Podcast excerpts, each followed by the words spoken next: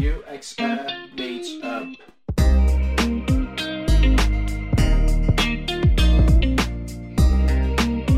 Çok teşekkürler. Nilay Ocak ben 1977 Adana doğumluyum. Öğrenme sürecine devam eden ve bildiklerini de paylaşmaya çalışan bir kişi olarak bu tip etkinlikleri çok destekliyorum. Ee, Beni davet ettiklerinde o nedenle çok mutlu oldum UX Minimal ekibine. Tekrar teşekkür ediyorum. Ee, Bugün buradayım. Daha fazla uzatmadan devam etmek istiyorum ben. Ee, Aslında benim çok sevdiğim bir cümle, İnşallah gelecek, evet. Mükemmel servisler tesadüfen gerçekleşmez, mükemmel servisler tasarlanır. Ee, bu ne demek? Çünkü üzerinde düşünmemiz e, gereken bir şey. Peki e, servis dediğimiz şey ne sizce? Aklınıza herhangi bir şey geliyor mu? Hizmet. Aslında hizmet. Tamamıyla bir hizmet. Ve e, sizce müşterilerimiz, kullanıcılarımız bizden bir servis tasarımı bekliyorlar mı? Evet çünkü insanlar servis tasarımı istemiyorlar aslında. Onlar çok basit bir şekilde sorunlarının çözülmesini istiyorlar. İşte bizim e, kullandığımız, e, onlara sunduğumuz ürünler, servislerle e, temelde onların sorunlarını çözmeye çalışıyoruz. E, servis tasarımı kavramı ilk olarak 1982 yılında dillendirilmiş. Bakacak olursanız aslında bu çok e, ciddi bir e, zamandan bahsediyoruz. E, yani neredeyse 40 yıla e, yakın bir süre önce telaffuz edilmiş ve ilk e, dile getiren kişi de Lynn Shostak, e, bir banka çalışanı, bankada çalışan bir yönetici. E, ve o e, bu bunun sonra da 1984'te bu gördüğünüz hatta halen ulaşılabilir durumda Harvard Business Review'un arşivinde yer alıyor.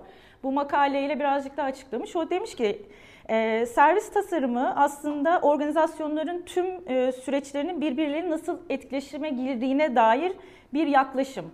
E, o şunu demiş, e, yaptığımız iş eğer bireylerin inisiyatifine kalırsa, e, yani onun bir, e, bir disiplini olmazsa, bireylerin inisiyatifine kalırsa, e, bu durum bizim şirketimizi savunmasız bırakabilir. Çünkü pazar dinamikleri sürekli değişiyor, kullanıcı ihtiyaçları değişiyor ve bireyin bir kişinin inisiyatifine bırakılmış karar alma süreci e, sizin esnekliğinizi kaybetmenize yol açıyor. Aslında servis tasarımı dediğimiz şey e, son kullanıcıdan ziyade birazcık e, işin e, business tarafını doğrudan ilgilendiren şey. Yani sizin iş yapış biçiminizi baştan aşağı değiştirdiğiniz e, bir yapı. E, bu bir tam e, kitabi e, tanımını aldım servis tasarımının. Bu Nielsen Norman e, grubun blogunu e, takip ediyorsanız, newsletterlerini takip ediyorsanız orada da yer alıyor. Bir işletmenin kaynaklarının doğrudan çalışanın ve dolaylı olarak da kullanıcının deneyimini geliştirmek amacıyla planlanması ve düzenlenmesi eylemine servis tasarımı denir. Yani hep e, kullanıcı deneyimi dediğimizde işin içerisinde hep kullanıcı vardır. Onun işte journey, işte o yolculuğu, e, etki, arayüzlerle nasıl etkileşime geçtiği vesaire. Ama servis tasarımı dediğimizde aslında günün sonunda e, şirketlerin içindeki etkileşime de e, girmiş oluyoruz. İş yapış biçimlerine girişmiş oluyoruz. Ben bir kısa video izletmek istiyorum size. Daha güzel, videolar güzel anlatıyor, animatif. What is service design? Let's start with an example. Burada eğer okuduysanız, ilgilendiyseniz şu e, cümleyi çok duymuşsunuzdur. İşte deneyimi tasarlarken e, siloları yıkın. E, şirketlerde e, özellikle büyük kurumsallardaki en büyük problem budur. Silolar halinde çalışırsınız ve hiçbir her bir silo birbirinden bir haber aslında aynı insanlara e, bir şeyler e, sunmaya çalışır. Kimisi bir ürün, kimisi bir e, uygulama vermeye çalışır ve e, o silolar içerisinde yaşadığınız sürece aslında bütüncül bir servisi sunamazsınız. E, servis tasarım sürecini kurumlardaki e, en büyük e, faydası aslında e, bütün paydaşları bir araya getirip günün sonunda tekil bir müşterimiz var. E, o müşteri bizim organizasyon yapımızı bilmiyor e, ve onun umurunda da değil. E, onun için tek bir şeysiniz. Örnek veriyorum bir bankaysanız e, şubenizin işte bilmem ne e, iş birimine bağlı bilmem ne yöneticisi tarafından yönetilmesi onun umurunda değil. Ya da işte app'in e, bir başka ekip tarafından geliştirilmesi onun umurunda değil. Ya da ondan işte e, 38 sayfa sözleşme imzalamasını isteyen hukuk biriminin ayrı olması umurunda değil. Günün sonunda o tek bir yerle etkileşime geçiyor ve o etkileşime geçtiği yerden de aslında çok basit, çok temiz ve bütüncül bir hizmet almak, bütüncül bir servis almak istiyor. Ee, benim e, Türkiye'de bugüne kadar gördüğüm e, en iyi örneklerden bir tanesi ama mesela servis tasarımı konusunda e, demin arada Beylem'le de konuşuyorduk. Nordik ülkeler çok ilerlemiş durumdalar. Nordik yani İsveç, Norveç, Hollanda, Finlandiya. Çünkü orada kamu servis tasarımı kavramını yönetiyor. Aslında kamu tetikliyor. Belediyeler, hastaneler, havaalanları, e, YouTube'da e, bulursanız Service Design Network'ün e, Nordik e, ülkeler, Nordik chapter'larının bir e, yaptığı bir belgesel var. E, Nordic Service Design diye. Oradaki örnekler her farklı farklı ülkelerden, Nordik ülkelerden ve işte orada gördüğünüz örneklerin hiçbirinde bir app, e, bir arayüz yok. Bir ülke hava bir havaalanının uçtan uca yolculuk deneyimini nasıl e, tasarladığını anlatmış. Bir diğer ülke bir hastaneyi nasıl tasarladı. Yani aslında günün sonunda biz hep böyle kullanıcı deneyimi, servis tasarımı, deneyim tasarımı dediğimizde gözümüzün önüne hep şeyler canlanıyor. İşte şu mobil cihazlar e, ya da eskiden işte desktoplar. Yani onun dışındaki dünya sanki var olmuyor gibi ama e, günün sonunda e, Örnek veriyorum siz bir AVM'de tuvalete girdiğinizde kadın olarak çantanızı koyacağınız ıslanmayacak bir yer e, ya da poşetlerinizi asabileceğiniz bir yer bulamıyorsunuz. Çünkü sizin böyle bir ihtiyacınız olduğu düşünmüyor. Aslında o da sizin deneyiminiz ve orada size sunulan servisin bir parçası. E, şunun üzerinden gidelim. Servis tasarımının aslında çok net üç tane bileşeni var. Biri insanlar. İnsanlar ama sadece müşteri olarak düşünmeyelim. Müşteriler potansiyel müşteriler ama iç müşteriler yani çalışanlar, paydaşlar, e, içerisinde olması gerekenler. E, çıktılar. Bunlar ne? Fiziksel ortamlar. Örneğin bir parakendeciyseniz mağazalarınız, e, bankaysanız şubeleriniz. E, ek olarak tabii ki tüm dijital platformlarınız e, ve ürünleriniz. E, bu ürünler mesela Arçelik'in yaptığı gibi çamaşır makinesi de olabilir ya da Netflix'in yaptığı gibi streaming medya da olabilir ama günün sonunda bir ürün e, ve süreçler var yani iş akışları, prosedürler ve şirket kültürü. Gerçekten servis tasarımını oluştururken şirket kültürü e, göz ardı edemeyeceğimiz bir şey. Çünkü şirket kültüründe e, değişmek, dönüşmek ve e, son kullanıcının hayatını kolaylaştırmak gibi bir ana hedef yoksa e, siz orada e, en iyi okullardan mezun olmuş çok iyi deneyimli işte deneyim tasarımcılarını, servis tasarımcılarını sırf hype'ı yakalamak için e, ekipler oluşturup içeri alıyorsanız zaten e, sonuçlarını hepimiz e, standart müşteriler kullanıcılar olarak görüyoruz. E, bu noktada ben e, bir banka benim bugüne kadar gördüğüm en e, iyi servis tasarım modelini geliştirdi demiştim. Empara. E, Empara'nın ben şöyle bir örneği vereceğim. E, Cumhur Türkmen e, direktörüdür. Bir etkinlikte e, süreçlerini anlatırken şöyle bir örnek vermişti. Biz Empara'yı ilk kurduğumuzda ilk gün çağrı merkezimizde çalışan arkadaşlarımız daha henüz hiçbir müşterimiz yokken bile vefat durumunda ne yapılması gerektiğine dair bilgi sahibiydi. Yani gün bir dükkanı daha yeni açmışlar. Daha henüz e, müşteri için lead toplamaya başlamıyorlar. Ama çağrı merkezi herhangi bir müşterisini vefat ettiğinde onun hesaplarıyla ilgili sürecin ne olacağına dair bilgi sahibiydi. E, çünkü tasarım sürecinde genellikle yapılan şey hep e, happy petleri yani sıkıntının olmadığı, her şeyin kusursuz ilerlediği e, süreçleri düşünerek tasarlamaktan ileri geliyor ama e, biraz onun içerisinde işte o işin biraz e, engebeli yola girdiğiniz anda o aracı stabil tutacağınız kısımlarını da düşünmeniz lazım. Ee, ve servis tasarımında iki tane ana kavram var aslında. Sahne önü ve sahne arkası. Ee, sahne önünün arkası tamamen aslında bildiğimiz e, bir tiyatro oyunu gibi düşünebilirsiniz. Sahnenin önü dediğimiz yer aslında sizin müşterilerinizin gördüğü kısım. Arka tarafta aslında çalışanlarınız, paydaşlarınız, sistemleriniz, kullandığınız altyapılar, e, kurum politikaları, süreçler, bütün bunlar hepsi bir araya geldiğinde bir e, servisi oluşturuyor. Şöyle e, tam olarak söylemek istediğim aslında kullanıcı deneyimi tasarımda bir tekil etkileşim var. Bir kullanıcı var ve de bir arayüz var. Onunla etkileşim halindesiniz. Servis tasarımında ise çoklu e, etkileşim var. Mesela bir hava yolunu düşündüğünüzde siz biletinizi online'dan alabilirsiniz, çağrı merkezinden alabilirsiniz, e, gidip acenteden alabilirsiniz. Biletinizi aldıktan sonra onu size mail yoluyla mı gönderecek, çıktı olarak verecek.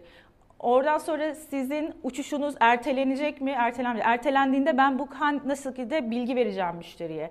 Ertelendiğinde benim kendi iç e, işleyişim nasıl olacak? İşte kontuarda kim ne, nasıl şekilde bilgi verecek, bilgi alacak? Ya da e, bu müşterim havaalanına geldiğinde işte check-in süreci nasıl olacak? Check-in sürecinde bir problem yaşarsa ne olacak? Kriz durumları. Bütün bunların hepsinin aslında adım adım belirlenmesi gereken e, noktalar. Bunları eksik bıraktığımızda eğer tasarım süreci içerisinde e, çeşitli e, olumsuz durumlarla karşılaşıyoruz. Mesela şöyle bir örnek var.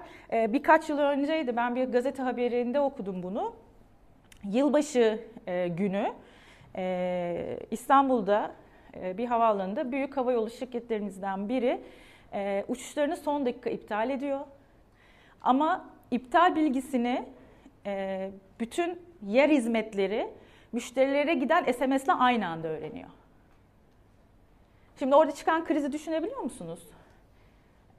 Check-in masasındaki uçuşun iptal edildiğini aynı anda öğreniyor. Karşısına gelen adama cep telefonuna SMS geldiği sırada belki o daha farkında bile değil.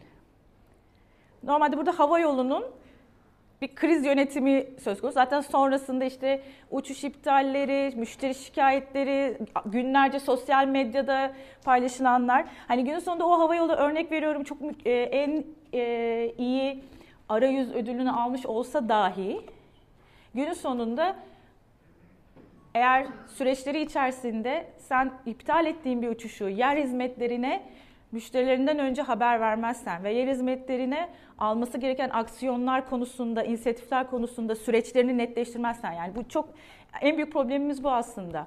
Ee, süreçleri netleştirmemek. Yani böyle bir durumla karşılaştığında nasıl bir inisiyatif kullanacak? Tamam sizi bize en yakın otele yerleştiriyoruz. Yeni uçuş geldiğinizde sizi geri çağıracağız deme hakkına sahip mi mesela o çekin bankosundaki kişi? Bunu bilmediği takdirde zaten problemleri yaşamaya başlıyoruz. Ee, servis blueprint olarak adlandırılan bir e, aslında kanvas var. E, bu kanvas içerisinde müşteri yolculuğu da var. E, ön e, front stage de var. Yani hem e, çalışanların aksiyonları hem teknolojiniz yansıttığınız. Arka taraftaki işte dediğim gibi sistemleriniz, süreçleriniz, kurum politikalarınız ama bunların hepsi etkileşim halinde ve her bir aşamada aslında siz mevcut deneyim tasarımı metotlarından birini kullanıyorsunuz. Customer Journey dediğimiz aşamada sizin aslında kullanıcılarla görüşme yapmış olmanız gerekiyor. İhtiyaçlarını anlamış olmanız gerekiyor. Belki onların yolculuk haritalarını çıkarmış olmanız gerekiyor. O acı noktalarını zaten biliyor olmanız gerekiyor. Bir arayüzünüz varsa onun prototipleyip testini yapmış olmanız gerekiyor. Bütün bunları kullanıcı ile ilgili biriktiriyorsunuz. Geriye dönüp süreçlerinizi gözden geçiriyorsunuz. Bizim mevcut süreçlerimizde bir problem var mı? Ben ön, ön tarafta müşterime ya da kullanıcıma herhangi bir şey söylerken neyi nasıl anlatacağım? Onları gözden geçiriyoruz. Bunların hepsi aslında birer e, puzzle'ın parçası gibi bir araya geliyor. Ve sonrasında da bir blueprint'e döktüğünüzde de aslında e, aksamadan o aracın yolda devam etmesini sağlıyorsunuz. E, bu e, benim çok e, geçen seneki UX Live'de dinlediğim Mark Stickdorn var ki kendisi is Service Design Doing isimli e, kitabın yazarlarından biri. Hem online'da PDF olarak edinebilirsiniz hem de Amazon'da hatta Diyanar'da da satılıyor. Çok güzel bir kitap. Bu o kitaptan aldım. E, aslında dört tane ana e, metodolojiye ayırıyor. E, diyor ki araştırma, fikir geliştirme, prototipleme ve ek e, işte çeşitli workshop yöntemleri. E, araştırmanın altında ne kadar ki bu daha e, görselin altı daha devam ediyor. E, ben incelemenizi öneririm. Çünkü bu tamamıyla bir e, nasıl diyeyim handbook, e, hangi yöntemde mesela hangi aşamada hangi yöntemi kullanabilirsiniz? O yöntemi e, örnek veriyorum işte kaç kişiyle görüşmeyi mi kaç kişiyle yapmanız gerekiyor? Fokus grup mu kaç kişiyle yapmanız gerekiyor? Kaç defa tekrar etmeniz gerekir? Hani bunun gibi ufak tefek tipler veren bir e, kitap. Ben çok keyif alıyorum onu arada da karıştırmaktan. Öneririm. E, burada belirttiğimiz işte burada dediğim gibi aslında bir servis tasarım sürecini yürütürken kullandığımız metodolojiler birbirine benziyor. Sadece daha büyük aşamalara gelmek. Bir de servis prototipleme konusu var ki öğleden sonra yapacağımız e, workshoplardan biri bu. E, servisi nasıl prototipleriz diye e, düşününce e, şöyle söyleyeyim. E, McDonald's'ın kuruluş öyküsünü anlatan The Founder diye bir film vardı. İzleyen var mı? Tamam. O zaman size burası tanıdık gelir diye tahmin ediyorum.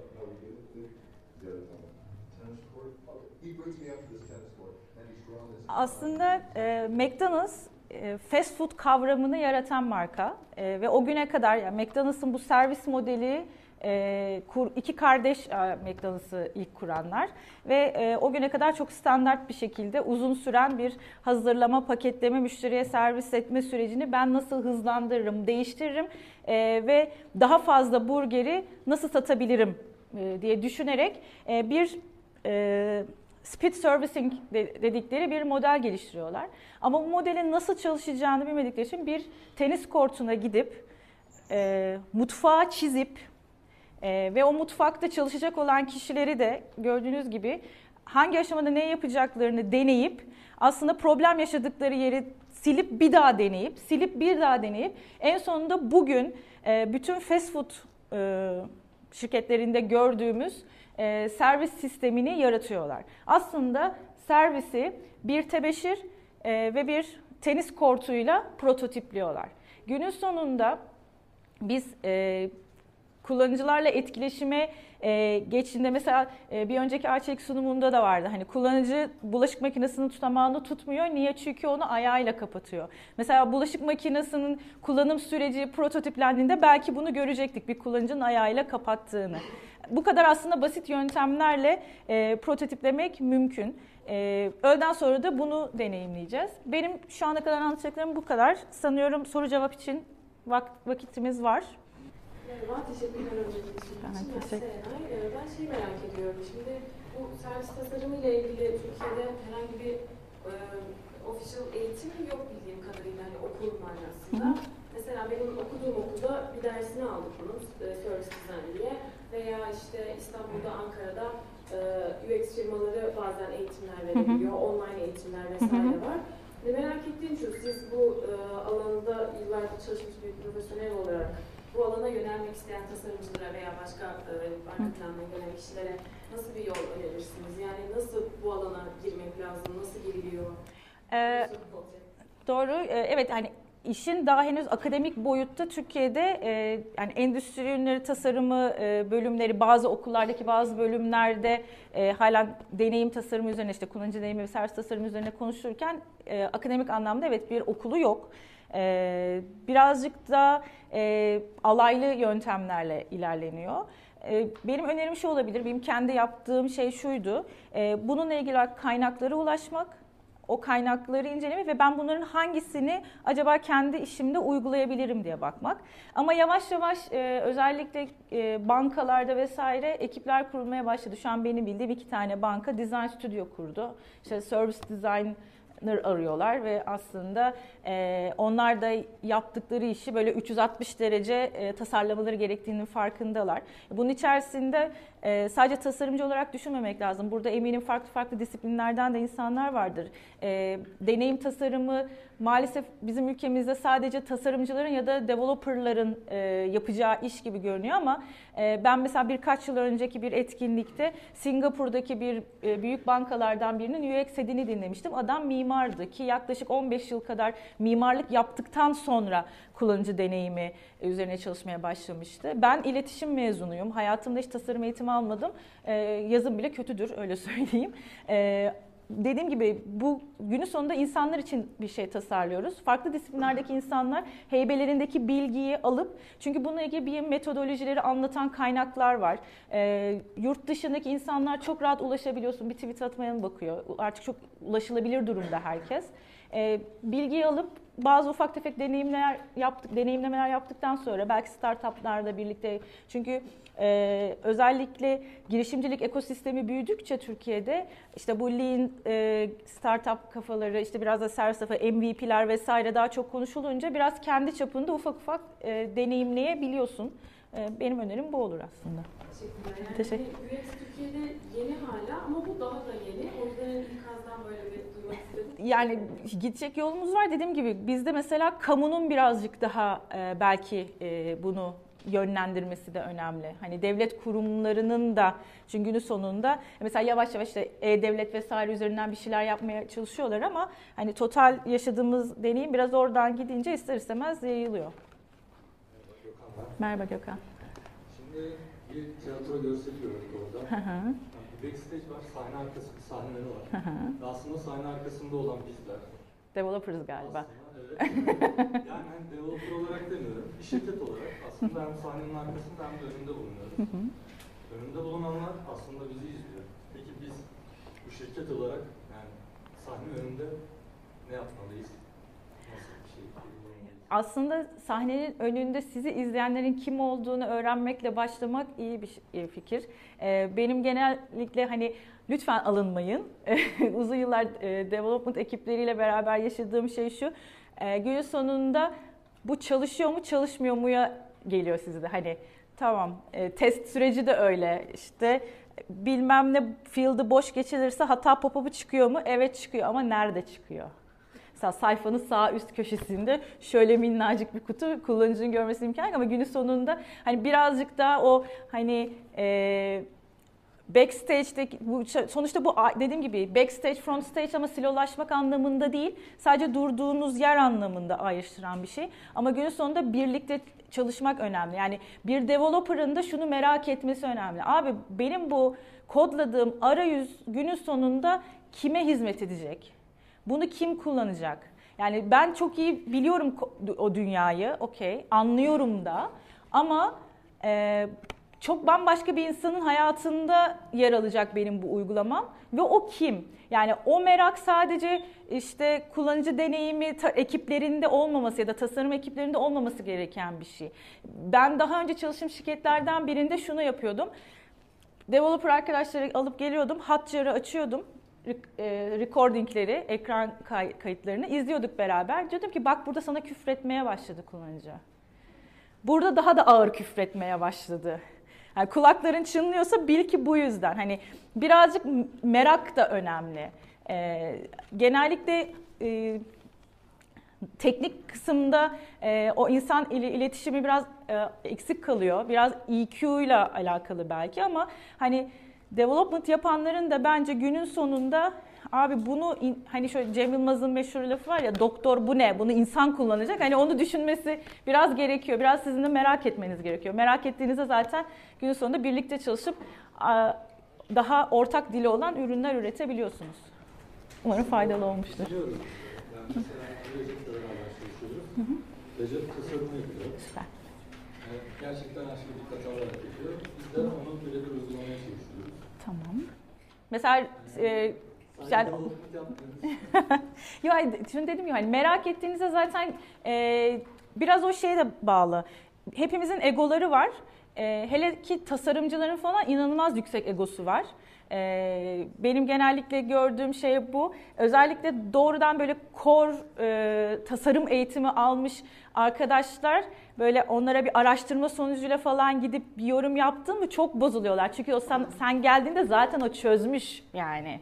O akışı tasarlamış, ekranı tasarlamış. Yani şimdi kullanıcı araştırması tamam yani e, durumda yani o biraz egolarımızı törpülememiz gereken bir şey. Çünkü benim mesela bu alanda çalışmaya başlamadan önce el sık yaptığım şey şuydu. Benim nezdimde bankada çalışırken yapı kredide benim nezdimde e, kullanamayan hata alan müşterilerin hepsi salaktı. O yani o cümledeki salak bendim çünkü e, benim içinde bulunduğum sürecini takip ettiğim, nerede nasıl çalışacağını adımdan iyi bildiğim bir şeyi bilmiyor, anlayamıyor diye ben ona salak dedim ama salak bendim çünkü ben onun dünyasını bilmiyorum. Mesela e, QR kodla para çekme benim çok sevdiğim bir fonksiyon. Çok sık kullanıyorum ama kaç ATM'de kullanabiliyorum? Şöyle pırıl pırıl bir e, Haziran öğlesinde mesela e, bir hani herhangi bir ATM'nin ekranında bir şey görebilmek mümkün mü? Yani mesela en basitinden bir bir bankada ATM kuruluşundan sorumlu ekipler var. Bayağı da büyük ekipler bunlar. Hani e, gidiyorlar, yer buluyorlar, kabinler, şunlar bunlar. Ama o ekiplerin hiçbiri kuracağı ATM'nin kurduğu yerde yönünün ne olacağına dair bir planı ya da hesaplaması yok. Bir koyuyor, güneş direkt ekranda. Akşam saat 7'den önce para çekmen, para yatırman, herhangi bir işlem yapman mümkün değil. Ya da böyle hani o komik e, şeylere, capslere yol açan şeyler var ya böyle eteğini kaldırmış teyze e, şeye dayamış falan gölge olsun diye. Yani dediğim gibi bu sadece işin tekniklerinde her ekibin günün sonunda sokağa çıktığında onunla etkileşime geçecek olan e, insanı düşünmesi ve buna göre tasarlanması. Yani sadece bir arayüzün tasarlanması değil dediğim gibi. Hani bir ATM'nin yerini kuracak adamın bile durup şunu düşünmesi lazım. Benim işte kuracağım yerde kaldırım ne kadar yüksek? Mesela Türkiye'de işte boy ortalaması 1.65-70 arası. Ben ne kadar yüksekliğe kuruyorum o cihazı gibi. Ya da mesela otobüs durağı koyuyor belediye. Hani orada otobüs beklemeniz e, ölmenize yol açabilir. Çünkü arabalar üstünüze geliyor vesaire. Hani sadece dediğim gibi pek çok şeyi bir arada e, düşünmemiz gereken. Yani aslında hizmet süreci. Bu hizmet sürecinin tüm yanlarıyla düşünmemiz gerekiyor. Kafa patlatmak. Merhaba. Merhaba. Ee, İki tane sorum var. Arda arda sorayım. Tamam. Cevap veriniz kadar cevap yaparsınız. En para örneğinde şey dediniz, ölüm durumunda ne yapılacağı belli değil dediniz. Bu ne kadar çevik ecel, ecel söylersiniz artık. İkinci sorum, kullanıcı feedback'i toplarken kimi dinleyip kimi dinlemeyeceğinizi nasıl anlarsınız? Şöyle, e, Empara tamamıyla aslında bankanın içerisinde bambaşka bir ekipçe e, ve e, bayağı böyle üst düzey sponsorluk alarak yani üst düzey yönetimden sponsorluk alarak yapılan bir süreç olduğu için onların bir zaman kısıtı yokmuş zaten. O yüzden hani çevik olmak gibi değil. Onlar bütün petleri tasarlayıp e, gelmek durumundalar. Tabii ki eğer çok hızlı bir şekilde bir MVP çıkayım, bunu deneyeyim, öğrendiklerimle e, ilerleyeyim dediğiniz sürece bu kadar detaya inemeyebilirsiniz. Hani inemediğiniz diye de bu dünyanın sonu değil. Ama önemli olan bununla karşılaştığınızda hani a, normalin dışında bir durumla karşılaştığımda ne yapacağımı bilmek önemli. Tam detay detay bütün hepsini belki ilk etapta ürününüzün yapısı gereği belirlememiş olabilirsiniz ama önemli olan ne kadar çevik aksiyon aldınız aslında orada. E, bir de kullanıcının hangi feedback'ini kullanıp kullanmayacağınız konusunda şu önemli. Örüntüler yani patternlar önemli. Ne kadar tekrar ediyor. Yani siz e, örnek veriyorum 20 kişiyle görüşme yaptınız o 20 kişiyle görüştüğünüzde bir kişinin söylediği değil, e, söylenenler ne kadar farklı kişiler tarafından tekrar ediliyor. Yani tekrar ediliyorsa, belli bir örüntü varsa şunu diyebilirsin. Demek ki bu bir ortak problem ve benim bunu ya da ortak bir beklenti, ortak bir ihtiyaç. O zaman ben bunu yani 80'e 20 aslında çok net bir pareto ve bu mümkün olduğunca da eğer bir ürün geliştiriyorsanız e, çok yakın çevrenizden geri bildirim almamaya çalışın. Ee, yani sokağa çıkıp e, gerilla yöntemiyle bir Starbucks'a gidip ya da e, her, ne bileyim kampüste dolaşıp hiç tanımadığınız insanlardan geri bildirim almak da aynı. Çünkü çok yakın çevrenizdeki insanlar genellikle sizi kırmamak için gerçek düşüncelerini söylemeyebilir ve bu sizi de çok bambaşka hale yani mesela genellikle batan e, girişim fikirleri şudur yani çevresindeki 5 kişiye sormuştur ya biz kesin alırız bunu süper ürün der ortada olmazlar mesela ürün ortaya çıktığında. O nedenle mümkün olduğunca tanımadığınız kişilerden geri bildirim toplamaya ve ne kadar e, bulguların, çıktıların e, tekrar ettiğine bakmak önemli diye düşünüyorum ben. Ama bazen bir tane bulgu o kadar değişik oluyor. Tabii. Tabii tabii kesinlikle. Yani şey e, şöyle hani Evren çok doğru söylüyor. Yani bir şey çıkıyor senin o güne kadar hiç fark etmediğin bir şeyi de e, şey yapmış olabiliyor, e, söylemiş olabiliyor ama hani genel kural örüntülere bakmak olarak ilerleyebilir. Merhaba Şeref Merhaba.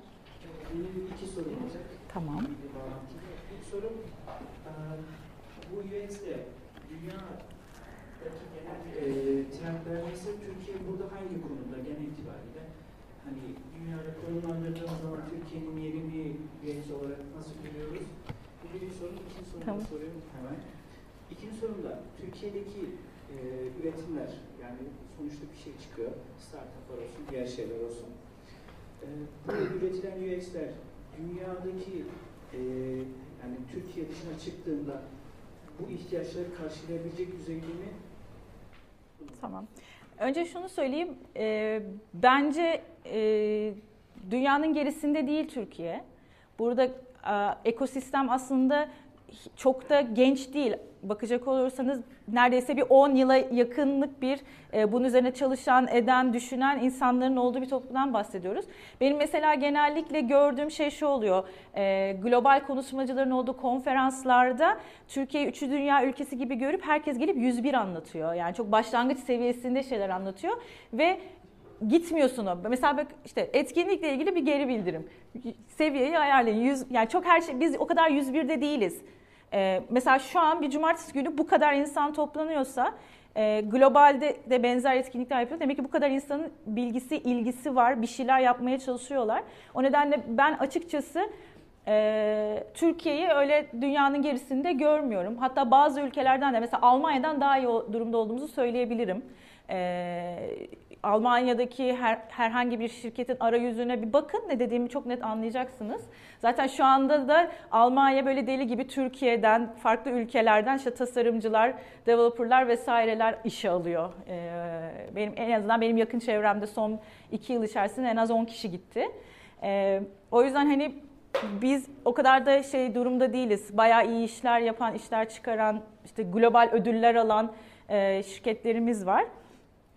E, kullanıcı deneyimi biraz aslında e, lokal de bir iş. Çünkü her ülkenin e, kültürel kodları bir kere farklı, dillerimiz farklı. E, şöyle örnek vereyim. E, İngilizce arayüzleri Türkçe'ye çevirdiğinizde mesela bazı aksiyonları aksiyon butonlarına sığdıramayabilirsiniz. Onun tek e, cümleyle verdiği bir aksiyon Türkçe'de iki kelime olabiliyor ve o zaman o butona sığmayabiliyor. Yani bu tip bariyerler var. E, o nedenle bu benim tamamıyla şahsi düşüncem bu arada. Tasarım e, yani senin iş fikrin global olabilir ama tasarım sürecin lokal olmak durumunda. Çünkü lokal ihtiyaçları çok farklı. Şöyle söyleyeyim. Mesela Neon 1 e, %50 Kore ortaklı bir şirket. E, ve ilk kuruluş sürecinde de bütün e, know-how ve tasarım Kore'den e, gelmiş. Orada işte Koreli e, UX designerlar, tasarımcılar vesaire varmış ekibin içerisinde. Ama onların arayüzleri, tasarladıkları arayüzler bize uygun değil. Çünkü e, orada uzak doğudaki AliExpress'i vesaire kullanıyorsanız görürsünüz. Çok karışık, e, üst üste. Biz sevmiyoruz. Bize hani o kadar kafamızı karıştırmaması lazım bir arayüzün. Örneğin alışveriş sürecinde. E, ya da mesela e, kırmızı nasıl bir renk kodudur arayüz tasarımında? İşte hata mesajlarını kırmızıyla verirsin. Bir problem olduğunu kırmızıyla anlatırsın. Uzak doğuda ise tam tersi. Kırmızı şanslı bir renk. Ee, şey uzak doğulular için. Ee, onlar o yüzden mesela çoğunlukla kıpkırmızı mesela yapıyor. Hatta e, onay butonlarının kırmızı olduğu ben e, uzak doğu ülkesi uygulamaları biliyorum. Yani normal şartlarda sen o uygulamayı kullansan çok büyük ihtimalle her defasında hata yapacaksın diğer butona basarak ama onların kültüründe mesela kırmızı olumlu bir anlam taşıdığı için kullanıyorlar. Hani bu nedenle bizden çıkan ürünler globali hedefliyorsa e, onları da anlamak durumunda. Yani hani hangi ülkede satış yapacağını da anlamak durumunda. Hangi ülkede servis e, ortaklaştırmak önemli. Yani çok teşekkürler. Ben teşekkür ederim. Yaşlarımızla yakın tecrübe. Duyuluyor mu? Ya ben şeyi soracağım kısaca. e, yapay zeka ne kadar etkileyecek servis tasarımı? Çünkü hani sen anlatırken o e, hava yolu şirketi de aklıma geldi. Şimdi ben iki hafta önce İngiltere'deydim. Acayip şeyler gördüm. İşte yapay zeka ile arkadaşlarla da paylaştım. Arabanın sesinden rengini takip, takip ediyoruz. Ee, işte teröristleri yakalıyoruz falan pişman. Ee, şimdi böyle bir servis tasarımında da aslında kriz anlarını önceden sanki artık anlayabilecek Tabii. hale geleceğiz. E, yani aslında yapay zeka bize e, nasıl diyeyim prediktif analiz kısmında yani öngörülebilir analiz kısmında yardımcı olacak ama yapay zeka e, üzerinden geliştirilen ürünlerle ilgili de şey sorunu var. İşte bir ahlak e, sorunu var. Mesela Tesla'nın otonom araçlarında e, en fazla sorulan şey mesela aracın içerisinde e, eşim ve çocuğum varken e, önde de bir çocuk başka bir çocuk geçerken ona çarpacak mısın çarpmayacak mısın hani e, buna insani olarak o verdiğimiz karar verme süreciyle yapay zeka doğru kararı verip vermeyeceğine dair çalışılıyor. Bizim yaptığımız iş çok e, insan faktörü e, içeren bir iş olduğu için hani e, biraz kolaboratif ilerleyecek diye düşünüyorum. İlerlemek yani tam tam manasıyla devredemeyeceğiz belki. E, ama yani bizim e, nasıl diyeyim yetemediğimiz e, noktalarda e, süreci tasarlarken bize yardımcı olabilir diye düşünüyorum açıkçası. Yani hep şey tartışmaları da var işte yapay zeka, biz de trendlere eğitimlerde işte anlatırken yapay zekadan da bahsediyoruz. Böyle bir şeye baktığımızda tartışmalar hani yapay zeka ne kadar tasarımcıların işini elinden alacak, servis tasarımcıların elinden alacak. E, McDonald's hikayesini dinlerken aklıma şey geldi. Aslında bu bir servis tasarımı, süreç optimizasyonu. Yani süreç yani. optimizasyonu dersek aslında Hı-hı. Henry Ford'a kadar gidiyor Tabii. süreç şeyde. Ee, sonra şeyleri düşünüyorlar. Ya aslında servis tasarım dediğimiz şey endüstri mühendislerinin yaptığı şey. Biz böyle bölüm tanıtımlarında öğrenciler gelirdi mesela. Endüstri mühendisliğiyle endüstrileri tasarlamasındaki fark nedir diye başlarsın. Orada şey, insan. Yani mesela ATM'nin e, güneşin konumuna göre en iyi yerini belki yapay zeka sana söyler ama evet sonra makinenin sana verdiği bilgi fişini nereye atacağını söyleyemeyebilir. Gibi. Gibi şeyler. Ya aslında şey, e, e, bak, bakacak olursan hani bizim kullanıcı deneyiminin tarihçesi anlatırken de işte insan makine etkileşimi e, aslında tamamıyla endüstriyel devrimin sonucu şu an konuştuğumuz şeyler. E, işte şu an endüstri 4.0'lar 5.0'lar konuşulurken günün sonunda endüstri, bizim şu an bildiğimiz manada endüstri kavramı kalmadığında da aslında ona göre yeni e, tasarım biçimlerinden, metodolojilerinden konuşmamız gerekecek diye düşünüyorum açıkçası. Yani bugünkü gibi kalmayacak çünkü bundan 50 yıl önce de bizim şu an konuştuğumuz şeyler bir aynı şekilde konuşulmuyordu. Bu e, değişkenlik gösterecek. Yani e, an, bildiğimiz manada endüstri kalmayacak büyük ihtimalle. Yani yapay zeka, robotlar gelecek, her şeyi ele geçirecek. Her şeyi ele geçirecek. Yani henüz Battlestar Galactica moduna girmeyiz gibi geliyor. Bir, zannetmiyorum da. E, şey e, birazcık daha ama hep şu var. E, ben e, Harari'yi okuyorum. Sapiens'i ve Homo Deus'u okudum. Şimdi de 21. yüzyıl için 21 dersi okuyorum. Yani onun da hep e, öne sürdüğü şey bana çok e, makul, anlamlı geliyor. Hani günün sonunda gelecekte e, insanların daha entelektüel ve daha bilişsel anlamda e, iktidara sahip olup e, bedensel e, güç gerektiren e, operasyona yönelik işler için yapmak üzere robotların e, olacağı. Hani böyle bir kendi içinde kast e, sistemi gibi ama hani bu nedenle hani hep şöyle e, konuşuluyor ya böyle eğitim e, şekilleri vesaire buna göre değişiyor. İşte 21. yüzyılın hatta 22. yüzyılın insanı hani daha fa- şu anda mesela hep şey var hani çocuklara kodlama öğretmeyin aslında o kadar da matah bir şey değil. Hani kodlama öğretmeyin felsefe düşünsün çocuklar. Felsefe öğretin mesela hani e, çünkü Zaten bir süre sonra yapay zeka kendi kodunu da kendi yazacağı için hani kodlama bilen bir insana da ihtiyaç kalmayacağı için e, birazcık daha daha insanı diğer tüm memelilerden farklı yapan o düşünme yetisini kullanacağı e, şeylere doğru yöneliyoruz gibi görünüyor. Teşekkür ben teşekkür ederim. Çok teşekkürler.